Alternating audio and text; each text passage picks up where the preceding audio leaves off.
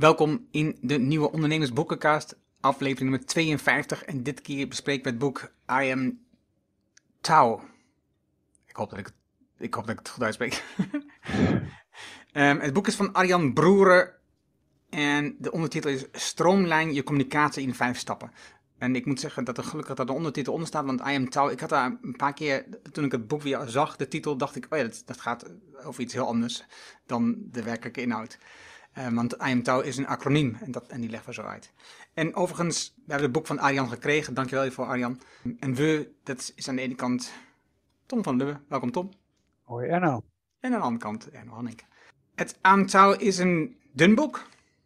Ideaal voor ondernemers die over het algemeen vinden dat ze te weinig tijd hebben. 140 pagina's. Uh, klinkt nog heel veel, maar dat is het niet. En dat gaat denk ik over een van de belangrijke onderwerpen in het bedrijf, maar ook in je leven, eh, over communicatie. En er zijn al heel veel boeken over geschreven.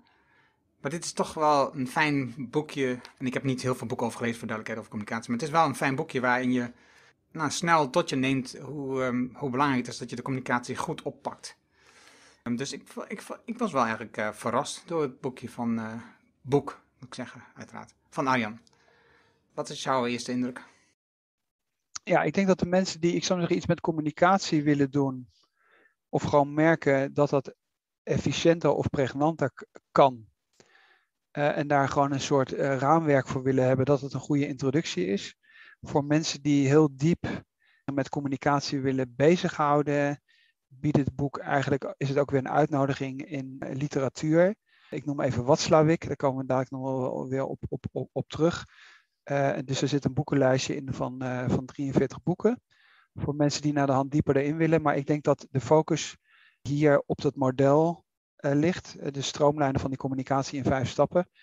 Ja, en dat je daar, als je zegt van nou, dat, is, dat heb ik, het boek heb ik in de avond gelezen. Ik loop nog eens bepaalde dingen die ik in mijn eigen bedrijf heb, loop ik nog eens volgens dat model door en, en, en kijk van nou, kan ik eigenlijk iets, kan ik dat beter doen? Ik denk dat dat een beetje de insteek is voor vandaag. Ja, boek bestaat uit drie delen. Het eerste deel heet uh, Minder is meer. Het tweede deel is Stroomlijn je communicatie in vijf stappen. En het derde deel is Communicatiemiddelen stroomlijnen. Je ziet het woord stroomlijn komt vaak terug. Dat is uh, niet zo heel vreemd, want Arjan is Streamline Certified bij Meer Effect. Dus ja, dus hij heeft wel iets met het stroomlijnen gedaan. Um, goed, hij, is sowieso, hij zit in die wereld, hij komt uit de omgeving uh, Getting Things Done, master trainer. En een van de boeken die hij geschreven heeft is Overleef je inbox in zes minuten. Dus hij heeft ook veel met e-mail en dat zie je in, dit boek ook weer terugkomen. Hij komt uit de GTD weer op, het zo efficiënt mogelijk maken van je dag. En, en het is grappig genoeg, want dat is eigenlijk de tegenhanger van het boek wat we de vorige keer besproken hebben, aflevering 51. 4000 weken. Want daar gaat het juist over uh, de inzicht, ja, moet nou het leven eigenlijk wel zoveel efficiënter worden? Is dat nou, is dat nou werkelijk waardevol? En toch vond ik dat er veel elementen in zitten waarvan ik dacht, eh, dit, is eigenlijk wel slim. En dat begint al in deel 1, want deel 1 is minder is meer. Daar hebben we het vaak over. Hè? Dus uh, door te kiezen wat je doet en minder te doen, uh, bereik je meer. Dus, dus ik, vond, ik, ik vond het ook nog wel goed aansluiten met het vorige boek. Het grappige is dus, het, dus wat hij bijvoorbeeld schrijft, is als je meer e-mail stuurt, dan heb je uiteindelijk minder e-mail. Hij noemde bijvoorbeeld van Bevrijd van Carl Newport over een team dat stopte met het gebruik van e-mail waardoor het team ja, eigenlijk vrij was van e-mail. En degene die er het meeste last van had, was de manager. Want die uh, had normaal nogal de neiging om berichtjes en vragen en uh, verheldering te sturen via e-mail. En de drempel om niet een e-mail te sturen, die, eh, die, was dus, die mocht een e-mail sturen, maar de drempel om dan naar die medewerker toe te stappen om diezelfde vraag te stellen aan persoon, die was net iets te groot. Waardoor dus de medewerkers veel minder afgeleid werden en veel minder tijd voor te besteden aan dit soort dingen die eigenlijk niet zo waardevol waren. Dus ik vond dat een heel mooi voorbeeld. En het andere wat mooi was in het stuk was ook het hoofdstuk over Kanso. Daar hebben we het ook al vaak over gehad. Uh, alleen die naam heb ik denk niet zo goed uh, onthouden dat het te weten. Maar dat, het staat voor eenvoudig of gewoon. En wat jij ook al hebt, dat je alle extra's weglaat. En dat je zo minimalistisch mogelijk ontwerp kiest. Want als je gaat stroomlijnen, dan heb je steeds minder frictie. En dan kom je dus met minder energie eigenlijk verder. Dus dat vond ik een mooie uh, om te doen. En als laatste wat ik nog heel veel zeg was, nee, twee dingen nog. Minder is waardevol voor iedereen in je team, eh, als je minder overleg hebt, of als je, je e-mails korter zijn, of als je presentaties duidelijker zijn. Dat is waardevol, alleen het vraagt wel meer tijd en aandacht van jou als je de zender bent, als je de organisator bent. Dus als je een overleg wilt organiseren waar minder mensen aan meedoen, of waar wat minder tijd mee gemoeid gaat voor die mensen, dan moet jij dus beter voorbereiden. En als je een mail stuurt die korter is, zodat mensen het beter kunnen lezen en sneller kunnen reageren, moet je dus meer aandacht besteden aan de inhoud, zodat die nog steeds dezelfde waarde levert, maar met veel minder woorden, veel minder linia's. Dus je bent er langer mee bezig. De bekende tekst, die kennen wel, hè? dus ik had je liever een korte brief gestuurd, maar ik had niet voldoende tijd. En de andere die hier, en die vind jij denk ik ook heel erg mooi, van Goethe, door de beperking kom je tot meesterschap. Dus ik, die wilde ik per se nog even zeggen, ik vond die ook echt super, die uh, stelling. Uh, wordt in de Duitse taal ook gebruikt als uh, standaard uh, dingen. Dus in, in der Beschränkung zeigt sich der Meister. Dat is gewoon een gezegd. misschien daar nog even op, om daarop aan te vullen. Omdat dat namelijk op bladzijde 26 genoemd wordt. Ludwig Mies van der Rohe. less is more. Voor de liefhebbers. De bedrijfsfilosofie die wij bij Visie hebben heet Less is more. En ik heb twee artikelen geschreven, die kunnen we misschien meenemen in de show notes. Eén gaat namelijk over Ludwig Mies van der Rohe en Less is more. En het voorbeeld wat hier ook genoemd wordt, noem ik ook in dat artikel. Het door hem ontworpen paviljoen van de wereldtentoonstelling in Barcelona. En in de architectuur is het, is het zo dat het optimum is als je geen muur meer weg kan halen. En dat paviljoen in Barcelona, wat misschien wel mensen kennen, dat is het absolute voorbeeld uit de architectuur. En ik heb daar ooit een artikel over geschreven op het Corporate Rebels platform. En de vraag gesteld, hoe kan het dat in de architectuur en de kunst en literatuur eigenlijk het optimale doel is dat je niks meer kunt weglaten. En in de managementfilosofie het tegenovergestelde het geval is. Maken het zo complex mogelijk. En je, het citaat wat je soms ook wel tegenkomt is, en dat zegt hij in principe ook hier. Het is heel makkelijk dingen heel complex te maken. In organisaties overigens ook. En het is heel moeilijk en heel gecompliceerd dingen heel simpel te houden. En simpel betekent niet dat het eenvoudig is. Nee, hoe meer je het weet te reduceren tot de kern, en dat is in principe waar het eerste hoofdstuk over gaat, des te meer denkwerk eh, moet je verrichten. Wegnemen is niet makkelijk. Wegnemen is heel moeilijk. Dat is het citaat wat jij noemde van Blaise Pascal, Pascal van, die, van die brief, wat je veel tegenkomt. Dus het eerste gedeelte is eigenlijk een bijna, ik wil niet zeggen dat het een filosofische introductie is, maar hij maakt het heel breed. En wat de mensen misschien ook wel kennen is die Japanse opruimgoeroe Marie Kondo. Hè, je kast leegruimen en zeggen van welke trui sodemieter ik weg of ga ik weggeven of gaat in die vuilniszak voor, uh, voor de recycling. Dat is best wel lastig als je voor je klerenkast staat. Dus daar gaat dat eerste gedeelte van dat, van dat boek over. Ja, en, en dus, wat ik al zei, het sluit dus mij ik echt wel heel erg aan bij het 4000 weken. Want het, het is filosofisch, en, en, maar het gaat ook vanuit de gedachtegang dat je uiteindelijk met minder actie meer wilt bereiken. Het uh, tweede deel, dat gaat dus over de stroomlijn van je communicatie. En hier komt dus die uh, acroniem IMTOW naar voren. Het is omschreven als idea naar objective, dus de I naar de O, idea to objective. En dan uh, is het audience, message, tools en action, oftewel het doelgroep, het bericht, de boodschap de middelen en de actie die je wilt bereiken. Dus je komt van idee naar doel via je doelgroep, boodschap, de middelen die er zijn en de actie die je wilt realiseren.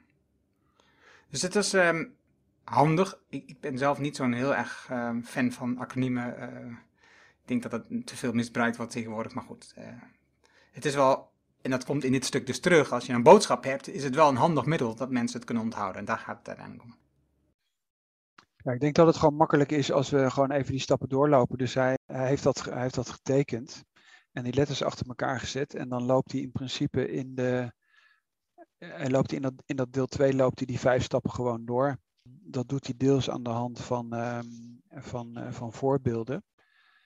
Uh, dus ik denk, waarschijnlijk is het gewoon het zinvolste om daar even op in te gaan. Hoewel je ook wel mo moet zeggen, het is geen rocket science. Hè? Het is meer het is logisch dat als jij iets communiceert, dat je nadenkt, wat wil je eigenlijk communiceren en, en wat, wat is precies de doelgroep? Wat is je audience? Zijn dat, zijn dat, hè, zijn dat je collega's of uh, zijn dat je klanten of weet ik veel wat? Dus het is, het is niet zo dat het hogere wiskunde is.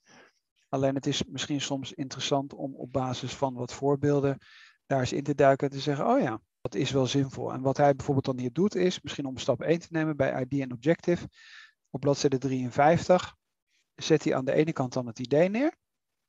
En dan is bijvoorbeeld de vraag, kunnen we niet meer voor onze huidige klanten betekenen dan we nu doen? En dan wordt het geconcretiseerd van idee naar doel.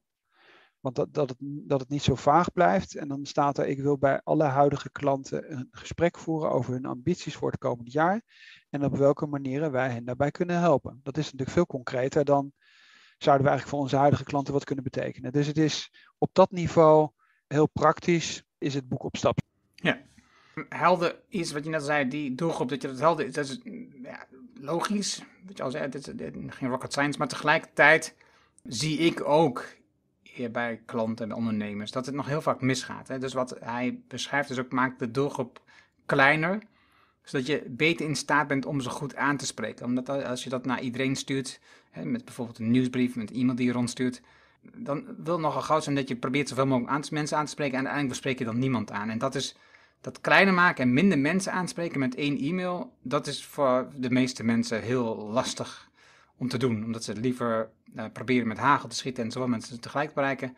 Maar het resultaat is er dan ook werkelijk na, want je raakt bijna niets. Eh, dus dat is denk ik um, een van de dingen die hierin opvalt. En het andere, en het doel. Hij noemde drie verschillende soorten doelen. Een kennisdoel is dat je doelgroep, wat wil je uiteindelijk dat ze weten? Een houdingsdoel, wat wil je dat ze uiteindelijk ervan vinden? En een gedragsdoel, wat wil je dat ze gaan doen uh, na de hardheid? Dus dat, die zou ik nog denken, oh, dat is wel interessant als je dat zo helder opsplitst. Uh, zo had ik er zelf niet echt naar gekeken. Maar dat, is wel, dat maakt het duidelijker om na te denken over: oké, wat moet ik dan gaan zeggen dat ik wil dat ze werkelijk iets gaan doen? Een gedragsdoel bijvoorbeeld realiseren. Hij had het ook nog over um, twee dingen hierin: over de vloek van kennis. Als je uh, praat over uh, de boodschappen. Dus dan heb je te maken met dat jij als zender weet wat je wil vertellen. Je hebt de ervaring, de expertise, de kennis. En je vindt eigenlijk alles wat je dus vertelt heel logisch, want dat zit namelijk, daar zit al je historie, geschiedenis, al die expertise zit erachter. Maar degene tegen wie je dat vertelt, die heeft die expertise niet. En ik weet dat wij een keer bij een, web, een seminar hebben gedaan, dat was met uh, Ben Tichelaar. En wij moesten dus een melodietje neurien naar degene die, die naast ons zat. En die moest dan raden wat het liedje was dat we neurieden. En, nou ja, en als je dat wil gaan doen, dan weet je, dan moet je een liedje kiezen wat heel eenvoudig is, wat iedereen kent, want anders is, ja, ga je misschien de plank misslaan. Dus dan krijg je uh, Sinterklaas Kapoentje en uh, altijd een skojatje zieken. Dan krijg je hele bekende kleutermelodietjes. En toch raadt niemand, niemand, maar in ieder geval bijna niemand, raadt wat er geneuried wordt. Omdat wat jij als neuriende persoon, als zender in je hoofd hebt, van dit is het liedje en dat kent iedereen, dat is het melodietje, dat is heel, dat is heel simpel dat, wat jij dus in je hoofd hebt, dat heeft een ander niet in het hoofd. Hè? Dus, dus, en, en daar zit het denk ik in dat je als, als je als veel kennis hebt, dat, je, dat het lastig wordt om je te verplaatsen in de ander die eigenlijk al die kennis niet heeft. En wat ook nog interessant was in dat dingetje, ik wat jij ervan vond, was het triade-model. Over gedrag is motivatie keer capaciteit keer gelegenheid. Ja, ik heb, bedoel, ik heb het wel, uh, ik zeggen, hij komt er met getalsvoorbeelden ik heb daar soms een beetje moeite mee als men, en dan zijn we weer bij dat meten en dat multipliceren. Het is in principe wat jij natuurlijk ook net zei, als, natuurlijk, eh, als het complexer wordt, hoe simpeler het is en hoe dichter je bij de mensen zit, of hoe meer het, noem maar wat hier, dan is het dan motivatie keer capaciteit keer gelegenheid. Ja, is het natuurlijk logisch dat, dat als je die allemaal probeert te maximeren, en dat is nu eenmaal als dingen heel simpel zijn, uh, dat de kans groter is dat het blijft hangen dan dat het, dat het vager en complexer of technischer dan gaat het bijvoorbeeld over het dragen van de helm, et cetera. Dat je dan moet kijken, oké, als die mensen bijvoorbeeld die helm afzetten, dan moet je dus aan die helm werken, zodat die mensen dat ding ophouden. En de voorbeelden die in andere boeken vaak gebruikt worden, is bijvoorbeeld bij veiligheid. Dus dat je dingen die heel simpel zijn, bijvoorbeeld vliegtuig is er een heel goed voorbeeld van, dat overal staat wat je niet mag. dus je mag, eh, ik noem maar wat, niet roken op het toilet en uh, weet ik wat allemaal. Dus dat wordt, daar wordt het gevisualiseerd op zo'n eigenlijk stupide manier, zodat ook de grootste idioot die niet Engels verstaat, nog steeds aan de hand van een plaatje kan zien dat je daar bepaalde dingen niet uh, mag doen of dingen in het toilet mag sodemieteren, et cetera. Dus dat is wat bijvoorbeeld ook als het over fabrieken gaat van Toyota, dat bijvoorbeeld het management gevisualiseerd wordt en stoplichten, et cetera, et cetera. Dat is in principe waar, dat, uh, waar het een beetje over gaat. En hij maakt hier een soort wiskundige formule van. Ja. Ja, Arjan niet, dat doet die uh, bedenken van dat triade-model. Dat, of ja, hij neemt dat in principe over. Ja, ja. De, de boodschap, dat is dan het stukje, ja, wat hij ook nog noemde was, we maken het doel aantrekkelijk om naartoe te werken. Dus je kan zien dat mensen van A naar B, dat dat de bedoeling is. En dat je uiteindelijk dan zegt, ja, je mag niet naar B. Dan kun je dus een C voorstellen waar mensen naartoe mogen. Wat je dan schetst. Maar als je naar C gaat, dan is het wel goed. En dan, het is, met nutje krijg je dan een beetje dat idee dat je dus mensen helpt, een duwtje geeft in een goede richting om de goede keuze te maken. In plaats van dat je ze verbiedt om iets te doen. Daar had hij een mooi voorbeeld van, die heel bekend zijn. De kantines waarbij je de appel al in stukjes snijdt dan zijn mensen geneigd om eerder een paar stukjes appel te pakken dan een hele appel te pakken, bijvoorbeeld, om te noemen. De essentie van de boodschap uh, was dat als je die verpakt op een bepaalde manier, dat je hem zo kunt onthouden. Bijvoorbeeld als je iets vertelt in een verhaal. Dat is voor mensen veel eenvoudiger om te onthouden dan uh, losse argumenten. En dus, uh, dus als je argumenten hebt en wilt mensen iets vertellen, dan is het veel makkelijker om die argumenten te verpakken in een verhaal. Bij veel mensen merk ik dat ze op het moment dat het spannend wordt en dat als het hun raakt, dat ze vooral in de argumenten blijven schieten. En vooral hun argumenten gaan verdedigen. Terwijl de ander doet exact hetzelfde en je gaat dan beide met de hak in de zand. Terwijl als je een verhaal vertelt over, of, je, of je gaat vragen stellen, dan wordt het voor de ander veel eenvoudiger om daar mee te gaan. En dat hij paar meer van beeldspraak, economie en maar meer van die dingen. Maar wat, je, uh, wat hij ook nog vertelde was dat als het is goed als je de boodschap, de essentie van de boodschap, die wil je eigenlijk gelijk aan het begin vertellen. En de alinea's die erop volgen, daar um, heb je steeds minder belangrijke details. En, en dan, noemt hij, refereert hij aan journalisten en redactiewerk. En dat is een, een journalist en je dient het artikel in dat de redactie eigenlijk eenvoudig, als ze willen, um, het artikel kunnen inkorten door de laatste alinea te verwijderen. Want dan eh, blijft nog steeds de kern en de essentie van het artikel blijft bestaan. En dat is natuurlijk ook precies als je als lezer wat je eigenlijk wil, is dat je als je het begint te lezen, dat je gelijk wordt geraakt en dat je niet allerlei uh, details hebt die niet zo van belang zijn. Dus dat, um, dat had ik. Wat wil jij vertellen over de tools? Of wil je meer hierover vertellen? Nee, wat hij ook nog doet is, maar dat is voor de mensen dus die dus Things Done van David Allen uh, kennen. hij mixt in principe die, die dingen een beetje in het boek. Uh, maar je hebt bijvoorbeeld ook een formulier alsof het af is, wat, wat in Holacracy Definition of Done heet. Wat psychologisch dus blijkbaar het effect heeft eh, dat je vanuit het doel of vanuit het afgesloten of bereikte doel uh, denkt. dus dat wordt met een voltooid deel, wordt, wordt dat dan, ik zou zeggen, teamoverleg georganiseerd of uh, gepland, et cetera, is dan iets anders dan laten we een teamoverleg plannen. Dus dat, daar zie je ook nog de, de, de invloed van Getting Things Done en, en ook bijvoorbeeld de Locracy, de manier waarop die meetings functioneren. Dat komt dan nog weer, weer terug. En voor de rest heb ik bij die eerste stap, heb ik voor de rest niks, uh, niks aan te vullen. Ja, wat, eh, in, die, in, de, in die tools en technieken, waar, wat wel interessant is, is dat je een overzicht krijgt van de verschillende middelen die er zijn. Uh, die ken je allemaal wel, daar gaat niet om. Maar hij schetst ook uh, wat de voor- en nadelen zijn bij verschillende vormen van communicatie. Of je nou iets wil uitleggen of dat je iets wilt overtuigen. Of wat dan, dan heb je dus verschillende vormen die beter werken en andere vormen die minder goed werken. ik denk dat dat overzicht. Uh, ik vond het overzicht best handig om te realiseren van: oh ja, verrek, dat is, als ik dit doe, dan is het toch beter om misschien naar een ander middel te stappen. En het andere wat hij ook had, en dat jij refereerde een beetje aan, is het, als je dan je uh, IM touw afleidt met actie, dus voordat je de vergadering sluit of voordat je het overleg sluit, dat je een actie definieert. En uh, hij zegt een actie bevat dan een werkwoord, dus iets wat moet gebeuren, en, en een einddatum. En het liefst dan in dagen, want hoe langer je dat maakt, die einddatum, des te groter is de kans dat er niets gebeurt. Dingen die ik nog mezelf onderstreept had. Het derde deel, dat is de communicatiemiddelen stroomlijn. En eigenlijk is dat een soort verdieping van die tools en technieken heb je dus, heeft het over dat je communicatierichtlijnen uitwerkt voor je bedrijf. Hoe je, zou, hoe je zou moeten communiceren in het bedrijf. Welke tools je wanneer gebruikt. Hoe je met elkaar communiceert. Dat je daar gewoon duidelijk afspraak over maakt. En dat is, een, is eigenlijk een heel praktisch onderdeel in het boek.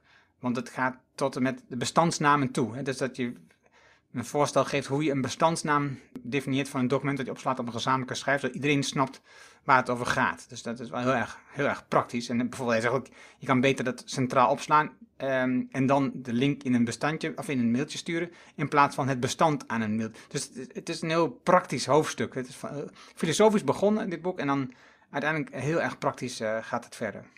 Ja hij, hij, gaat, ja, hij gaat er heel erg de diepte in. Ik moet eerlijk zeggen, het is soms zeggen, je hebt dat bijvoorbeeld in Kaizen en, Lean Management en zo heb je dat ook allemaal. Dus waar je heel, heel systematisch, procesgeoriënteerd dingen definieert. Dat heeft ook met standaardisering en normering en zo te maken. Dat is iets waar wij als Nederlanders altijd een beetje onrustig van worden. omdat wij natuurlijk de kooplieden zijn die zeggen van ja, gewoon uh, het komt allemaal wel goed en uh, als het onder de streep maar klopt. Maar de, dus wat hij in, in, dat hoofdstuk doet is eigenlijk wat, wat mensen die een productieachtergrond hebben uh, in fabrieken, die doen dat veel sterker omdat je daar wel die processen moet definiëren. In de dienstverlening is dat allemaal veel minder het geval. Uh, maar als je, een, als je een chemische fabriek hebt, dan heb je voor alles een handboek. En elk proces is gedefinieerd omdat het anders een puinhoop wordt. En het vaak ook gewoon met, met, met, met risico's te maken heeft. Hè. Als ik noem wat de machine niet goed schoongemaakt wordt en daar, daar wordt op die machine dan weer iets nieuws gedaan. Dan krijg je, kwaliteits, krijg je bijvoorbeeld kwaliteitsproblemen. Denk maar bijvoorbeeld aan de auto's die, waar elke auto inmiddels die van een band rolt weer anders is, een andere kleur heeft en andere componenten, et cetera, heeft. Dus daar luistert allemaal veel nauwer. Dus ik denk het hangt heel erg het hangt er toch wel van af welke, welke industrie dat is, omdat soms het ook een beetje contraproductief kan zijn. Dus even een heel simpel voorbeeld. Als je bijvoorbeeld bij een callcenter of bij een telefoon mensen gaat uitleggen wat het script is en wat ze precies moeten zeggen, dan kun je weer het tegenovergestelde bereiken. Dat de mensen eigenlijk niet gewoon rust nemen om de klant daadwerkelijk te helpen. En dat zie je, dat zie je bijvoorbeeld als je iets van de overheid wil en je belandt in een soort callcenter en je krijgt dan een gestandaardiseerde e-mail waar eigenlijk alles beschreven wordt en je bent eigenlijk nog steeds geen, geen millimeterwijze geworden. Dat is nou juist ook wel weer waar mensen heel erg happy van worden. Als je een callcenter opbelt en je niet het gevoel hebt als je met iemand zit te bellen dat er een hele grote klok boven zijn hoofd hangt en daar iemand op afgerekend wordt. Ik denk, ja, met een beetje gezond verstand zijn er bepaalde dingen waar het heel goed is om dat met elkaar af te spreken.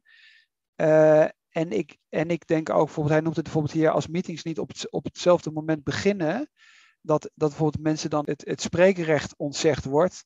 Dan denk ik van, nou ja, misschien dat je ook gewoon met elkaar moet, daarover moet spreken en elkaar moet uitleggen hoe dat bij iemand anders aankomt. Dat je zegt van, als jij altijd te laat bent, dan voel ik me eigenlijk niet geaccepteerd op hetzelfde niveau. Ik voel me niet gerespecteerd, want het is alsof jouw tijd belangrijker is dan mijn tijd.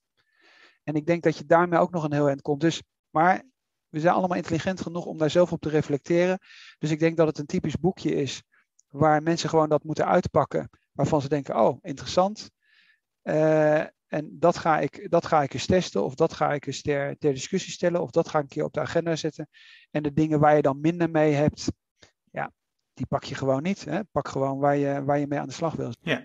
Ja, in het stukje bijvoorbeeld, heeft dus eh, naast die communicatie richtlijn de stroomlijn, heeft hij ook e-mail-stroomlijnen. Logisch, Bokje heeft hij ook geschreven al. Grappig was nog de ja-nee-e-mails, waarbij je als ontvanger heel eenvoudig ja of nee kunt beantwoorden. Maar dan moet je dus als zender ervoor zorgen dat je verhaal natuurlijk uitstekend heel goed begrepen wordt. Dat, dat is natuurlijk het meest lastiger in. En heeft ook vergaderingen stroomlijnen. En wat daar wel grappig in was, dat hij een hele rits vragen had um, opgenomen in het boek om je vergadering te verbeteren. Wat je kunt doen, het is, dat is wel daar kun je gewoon doorheen lopen. Eenvoudige vragen. Is dit werkelijk nodig? Wie moet er werkelijk zijn? En allemaal simpele vragen. Maar het helpt je wel om de vergaderingen gewoon eh, ja, zinvoller te maken in je bedrijf. Als je al van het woord vergadering houdt. Maar dat, maar dat e-mailvoorbeeld wat jij net noemde, waar je alleen met ja en nee beantwoordt, dat is zo'n typisch voorbeeld waarvan we eigenlijk weten dat als je bijvoorbeeld voor iemand iets gedaan hebt, voor een collega, en je krijgt alleen maar ja of nee, dan is dat gewoon, ik wil niet zeggen onbeschoft, maar juist als dat per e-mail is, dat is een medium wat, ja, waar, waar ik me dan echt afvraag, als je eronder schrijft bijvoorbeeld, beste Erno, dankjewel, of het gaat tien keer heen en weer, dan is het misschien iets anders. Dan is nou juist die ene zin, die misschien net even de jeu en de, en, en de plezier en het respect voor de ander demonstreert, dat is nou juist waar het vaak aan ontbreekt. Ik denk eerlijk gezegd dat dat, dat uiteindelijk, en dan ben je toch weer bij het uitzoomen en bij efficiëntie, et cetera, ik heb ook wel eens mensen gehoord die hadden op een gegeven moment voor de belangrijkste antwoorden, hadden ze A, B, C en D hadden ze met het secretariaat afgesproken. Dat kan best heel efficiënt zijn. Alleen als jij als, als, jij als collega A, B of C en D terugkrijgt, en denk van ja, misschien moet je soms ook gewoon even de telefoon pakken en zeggen van hé, dankjewel Erno. Ik heb net dat boek gelezen, was een tip van jou, super. misschien is dat rete inefficiënt, maar jij wordt er wel heel erg happy van. Ik denk omdat dat. Hij noemt overigens uh, bijvoorbeeld wat hij. Wat hij uh, misschien min of meer verwijst. Uh, e-mail like, een, like a CEO. Dus stuur e-mails als, als een CEO. Het artikel wat hij geschreven had en waar hij vrij veel weerstand op kreeg. En dat is heel logisch, want er zit helemaal geen emotie meer in als je zo e-mailt. Maar tegelijkertijd, als je hele lange proza stuurt, is het ook niet waardevol. Dus, dus het is natuurlijk de mix. Maar, en wat je zegt, uh, hou de empathie en de emotie met de ander. Kijk waar, wat die ander raakt, beweegt. En, en hou daar rekening mee in je communicatie, zou ik zeggen. Maar misschien ook als je uitzond dat voorbeeld van die CFO, om dat nog even afsluitend als voorbeeld te nemen. Je ziet juist als mensen bijvoorbeeld niet delegeren en niet horizontaal organiseren, om het maar even zo te noemen. En je helemaal, helemaal aan de top zit, daar komt dat een beetje vandaan. Dus je wilt, je wilt in een groter wordend bedrijf alles blijven beslissen. Je wilt dat alles op jouw bordje wordt gelegd en dan ga je een ja nee zeggen, omdat je geen tijd hebt. Dat zijn ook mensen die de hele dag van de ene naar de andere vergadering gaan en eigenlijk helemaal geen tijd hebben om fatsoenlijk even te vragen, en hoe gaat het met jou en heb je er tijd voor, et cetera. Wat wij altijd voor of na een podcast met elkaar kunnen doen, omdat we voldoende tijd voor dat soort dingen hebben. Dat is denk ik voor het samenwerken en voor de tevredenheid. En uiteindelijk ook, als je zegt van nou, wat is nou eigenlijk effectief?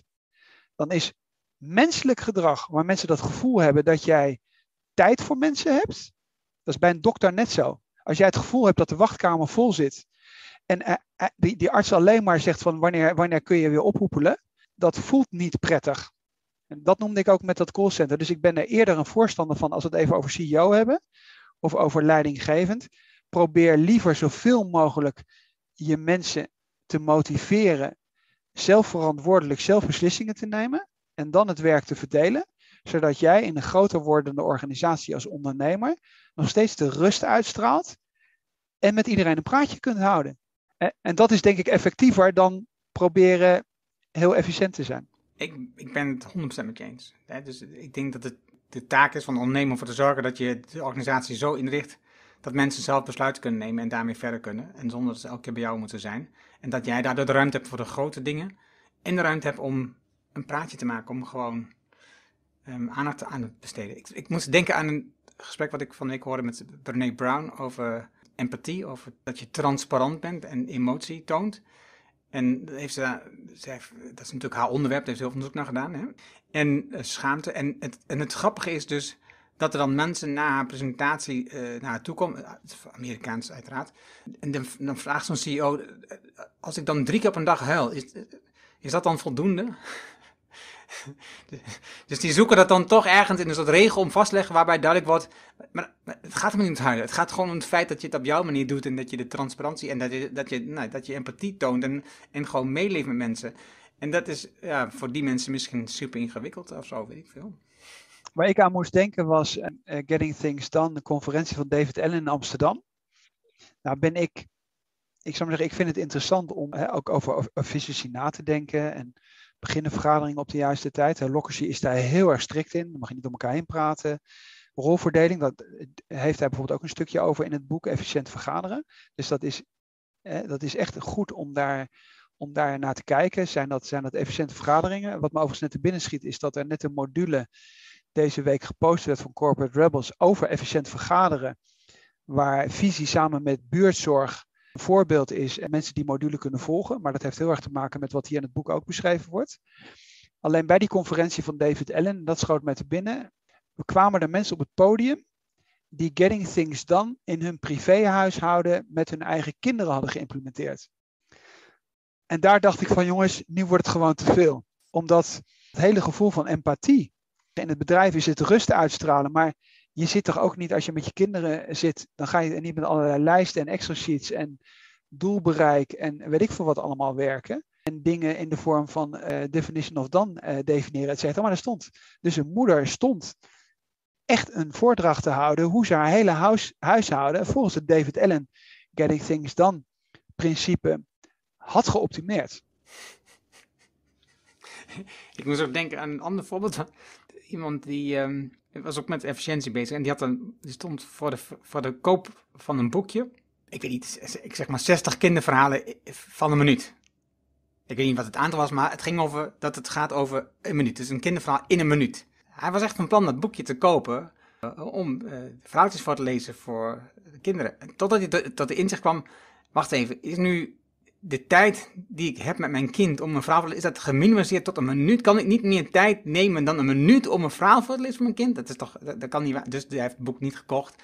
En zich gerealiseerd dat dat wel een soort stap was van, oh ja, ik moet even een stap terugzetten om uh, uit te zoomen, want dit is niet de weg die we opgaan. Het lijkt daar een beetje op. Nou ja, dit was hem. Het boek I Am Tau van Arjan Broeren. Wat wel zeggen, interessant, leuk. Pak de dingen eruit die je voor jezelf wilt toepassen en sla de dingen over waarvan je zegt, nou, op dit moment heb ik daar niets aan. Communicatie is een belangrijk ding voor mensen om, dat, om daar aan de slag te gaan in een bedrijf. Ik denk dat veel langs elkaar heen mag gecommuniceerd, overigens ook in relaties. Dus het is logisch om bewust naar te kijken en aan te besteden. Bij deze, dankjewel voor het luisteren uh, naar deze aflevering weer van de Boekencast.